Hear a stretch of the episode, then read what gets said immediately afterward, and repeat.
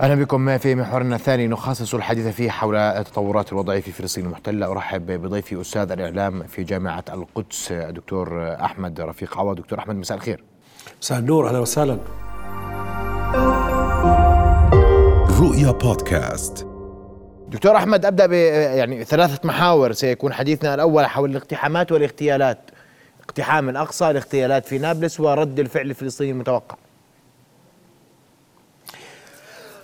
رد الفعل الفلسطيني المتوقع على هذا العدوان المستمر هو أه، ردود الأفعال الرسمية والشعبية، الرسمية واضح أنه كان الرئيس الوزراء محمد شتيه صرح بأنه هذا الانفلات هذا الجنون هو بسبب غياب المحاسبة الدولية لإسرائيل. إسرائيل تعامل كبقرة مقدسة لا تمس ولا تحاسب ولا تساءل آه، وبالتالي هي ممعنة في هذا العدوان في هذا السعار الصحيح.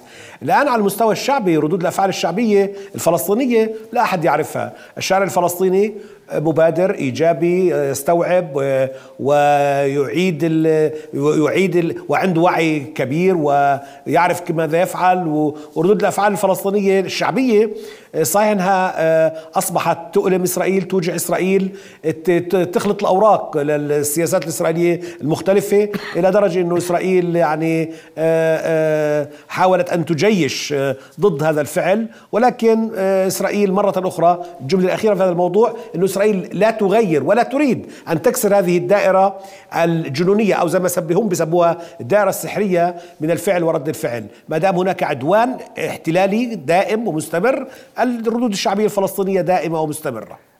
يوم أمس كان هناك تأجيلات من قبل حكومة الاحتلال لعدد من المشاريع الاستيطانية خوفا من التصعيد في رمضان. هل تقرأ أن الاحتلال فعلا قلق من تصعيد رمضان أم أنه يروج فعليا لوجود تصعيد في رمضان تمهيدا لجرائم قد يرتكبها في رمضان المبارك. آه شوف سيدي رمضان هو الخير وسلام وبركة وما حدا يزاود علينا يعني لا العدو ولا غير العدو. رمضان للمسلمين هو شهر خير وبركة. اللي تصوير رمضان وكأنه في رعب وإرهاب ومش عارف شو هذا. حقيقة يعني صورة آه يحاول الإعلام الإسرائيلي وغير الإسرائيلي أن يروجها. ما المقصود من ذلك؟ المقصود من ذلك أن هذه الحكومة وهي حكومة فاشية بامتياز وهي وارثة لكل الحكومات العدوانية السابقة ولكن هذه الحكومة أكثر عدوانية تريد أن تربح الوقت تريد أن تنهي العمل سريعا تريد أن تضم الضفة الغربية بالتالي تريد أن تصور وكأنه رمضان في إرهاب وبالتالي أي خطوة ممكن تأخذها إسرائيل قبل الشهر أو في خلال الشهر عمليا مقبولة ومبررة. ليه؟ لأنه عمليا هم بيقوموا بعملية تخدير وعي. إنه رمضان رمضان سيكون رعب وإلى آخره. طيب بن كفير بيقول أنا سأظل أهدم البيوت حتى داخل في في شهر رمضان. رمضان لن يحدد حياة إسرائيل. هكذا يقول بن كفير معناته الرجل وهو جزء من حكومة متطرفة جدا فاشية جدا ولا, ولا نقول ذلك نحن كفلسطينيين وإنما أيضا هناك قطاعات هائلة من الجمهور الإسرائيلي يقول ذلك. بالتالي لا أنا برأيي أنه هذا الكلام يخفي تحته آه، أمور كثيرة وربما يخفي تحته آه، إجراءات غير مسبوقة تقوم بهذه الحكومة بسبب رمضان اللي هو خير وشهر شهر خير وسلام ومحبة.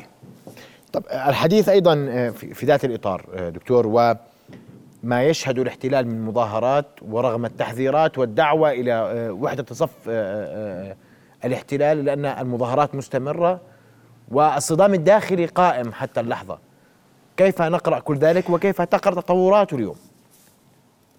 هذا سؤال جدا مهم صديقي العزيز.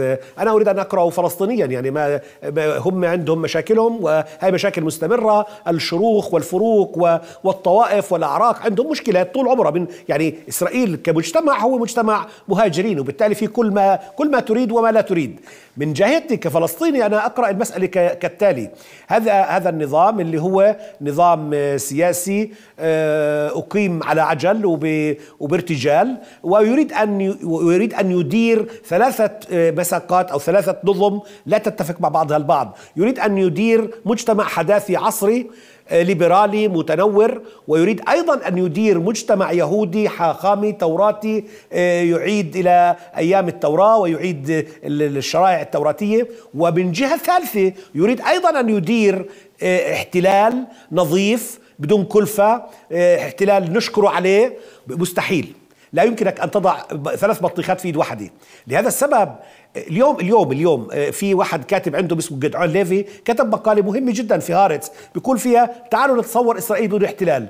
هو يعتقد هذا الكلام طويل باختصار بيقول إنه تعالوا نشوف إسرائيل بدون احتلال. سيختفي معظم مشاكلنا هو يقول ذلك. على فكرة هذا صحيح جدا لأنك أنت كمجتمع لا يمكنك أن تدير إنك تكون عصري وتكون قديم سلفي آه، آه، داعشي توراتي وبعدين تدير احتلال مرعب. قاسي وقح ما فيش مثله. لا لا يمكن. لابد أن يصيبك جراثيم الاحتلال. لابد أن ينقلب إليك ميكروبات الاحتلال. الاحتلال مسألة مخزية كريهة ومريضة وبالتالي المجتمع الذي يدير هذا الاحتلال سيأخذ كل ميكروبات هذا الاحتلال.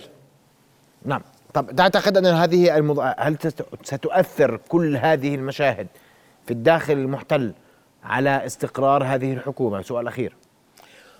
هذا هذا سؤال صحيح جدا وأنا شخصيا وربما قلت على هذا المنبر الكريم أن هذه الحكومة لن تستمر طويلا لثلاث أسباب، السبب الأول إنه هي بنيويا ملخبطة، يعني الاتفاقات الحكومية اللي بينهم لن تنفذ وبالتالي سيغضبون ويتزاعلون إلى آخره وتفرط، المسألة الثانية ضغط الجماهيري في الشارع الإسرائيلي وهو ضغط كبير جدا جدا ويتصاعد للمره للأسبوع العاشر هذا الضغط يتصاعد جدا جدا، المسألة الثالثة هو الضغط الدولي. وخاصة الأمريكي. واضح أن البيت الأبيض الأمريكي آه، آه، يعني يرسل رسائل آه، سلبية جدا لهذه الحكومة إلى درجة أنه قيل هذا اليوم كتب هذا اليوم أنه حتى البيت الأبيض لا يرى في نتنياهو شخصية مرغوب فيها. بالتالي برأيي أنه الثلاث عوامل هذه قد يعني تؤدي بهذه الحكومة إلى السقوط سريعا حتى يعني بخلال ست أشهر تكون ساقطة. نعم أشكرك كل الشكر دكتور أحمد رفيق عوض أستاذ الإعلام في جامعة القدس. كنت